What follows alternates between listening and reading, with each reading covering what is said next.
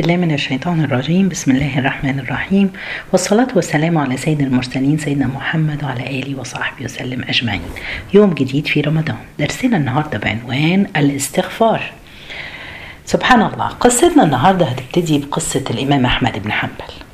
كان سافر إلى العراق وحب يبات فراح المسجد لكن الحارس بتاع المسجد بعد الصلاة بعد ما صلوا العشاء قال له أخرج بره ما ينفعش تبات. قال له أنا غريب خليني أبات. المهم الحارس رفض وسبحان الله آآ آآ راح شده جره الحارس بتاع المسجد ويطلعه من المسجد.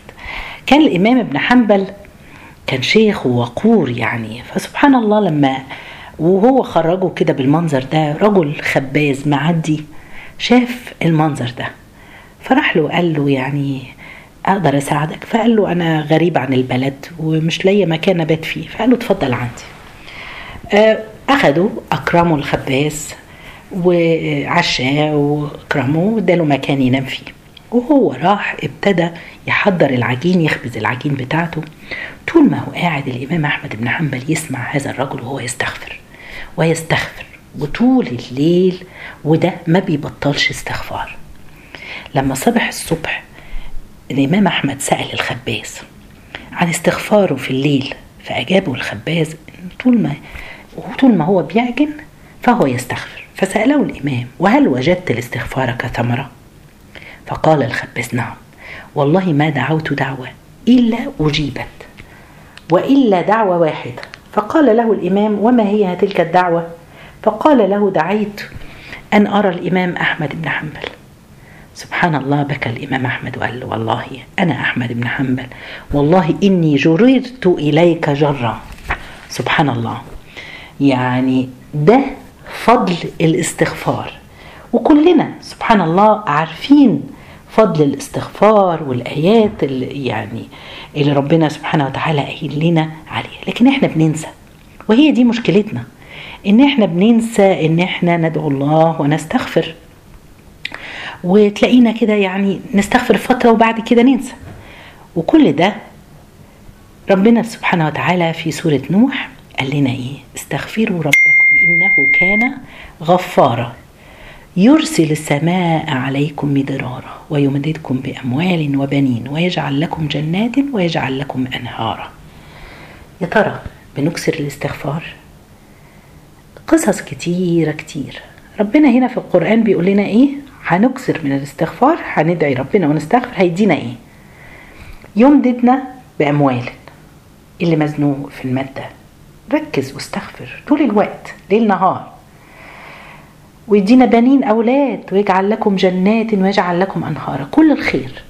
يبقى الدعاء والاستغفار كله ربنا سبحانه وتعالى هيدينا اللي إحنا عاوزينه. بس نصبر. في يوم من الأيام بيحكي داعية اسمه خالد السلطان كان في الحرم.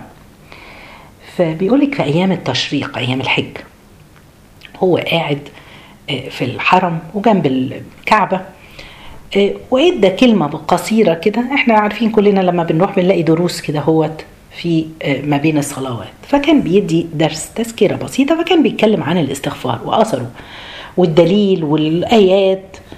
المهم بعد ما خلص فجي رجل قال له ممكن أتكلم مع حضرتك؟ قال له اتفضل اسمك إيه؟ قال له أبو يوسف. أبو يوسف. اتفضل يا أبو يوسف. قال له أنا متجوز. الحمد لله لكن زوجتي اتاخرت في الانجاب فاخدت بالأسباب ورحت الاطباء وسافرت للخارج ادور على علاج. كله قال لي أنت ما فيك حاجة أنت ولا زوجتك وربنا يكرمكم. هو كان من الكويت. قال له سألت الله يرزقك فهو الشيخ بيقول له اسأل ربنا دايما يرزقك الذرية وعليك بالدعاء وخاصة أنت في أيام مفترجة قال له لا يا شيخنا استنى بس قصتي ما خلصتش. قال له طب اتفضل. فبيقول له في يوم من الأيام وأنا بستمع لاذاعة القرآن الكريم بتاعت السعودية وسمعت الآيات شيخ بيقرأ آيات سيدنا يو سورة نوح فقلت استغفروا ربكم إنه كان غفارا. يرسل السماء عليكم مدرارا ويمددكم بأموال وبنين ويجعل لكم جنات ويجعل لكم أنهار. بقول لك اتشرح صدري. ورحت لمراتي وقلت لها بقول لك إيه؟ هناخد الأدوية والعلاج ونستمر في الاستغفار. ليل نهار بصوت عالي وجهري أنا وأنتي نعمل كده. بيقول لك زوجته بعد شهر سبحان الله استمروا على كده بعد شهر كانت حملت. سبحان الله. فالشيخ بيقول له الحمد لله ما شاء الله. ربنا هو خير الصادقين. والله لا يخلف الميعاد. ربنا قال ومن أصدق من الله قيلا بعد كده أبو يوسف قال له الشيخ استنى بس القصة ما خلصتش. قال له طب اتفضل. قال له بعد ما خل... مع ولدة زوجتي آه بعد ما خلصت النفاس قلت لها استغفري يا أم يوسف للتاني ربنا يرزقنا. استغفروا بيقول لك بعدها بشهر حملت. سبحان الله. بعدها استغفروا للتالت مر بعد ما خلفت التالت وبعد النفاس استغفر المهم جابت. فزوجته قالت له يا أبو يوسف خلاص نوقف شوية لغاية ما يكبروا الأولاد أنا مش هقدر عليهم كده ورا بعض. فالمهم بيقول لك عدت كام سنة وبعد كده هو كبر الأولاد وقلت لأم يوسف إحنا عندنا ثلاث أولاد نفسنا في بنت حلوة. يلا يا أم يوسف نستغفر ربنا. وقعدوا يستغفروا ربنا وسبحان الله ربنا رزقهم بالبنت. فبيقول له أنا ببشرك يا شيخنا دلوقتي مراتي لسه مخلفة البنت وأنا هنا في الحج. اللي أنا عاوزه أقوله سبحان الله يا جماعة إحنا عارفين وسمعنا كتير فضل الاستغفار ولكن بننسى بنستمر عليها شوية وننسى. إحنا في الأيام المفترقة كل واحد فينا عنده أمال وعنده طموحات ونفسه في حاجات كتيرة في حياته. تعالوا نلجأ لربنا. بس لازم القصة اللي أنا كان قصه القصتين اللي أنا حكيتهم دولت لازم فيهم كام نقطة عاوزه أقف عليهم لازم نعرف ونبقى على يقين بفضل الاستغفار. الحاجة التانية إن الاستغفار على حسب نية المستغفر. يعني تستغفر لطلب مال تستغفر لطلب ولد أو بنت تستغفر لنجاح لتوبة. فعلى نية المستغفر يكون الأثر بإذن الله. لازم يبقى نيتنا صادقة ومخلصة لله وإحنا عارفين إن ربنا إن شاء الله ما دام قال فقوله الحق. ربنا مش هيخلف الميعاد. الاستغفار كالدعاء. إما يأتيك على طلبته إما يأتيك غير طلبك. عاوزين يا جماعة نكثر من الاستغفار.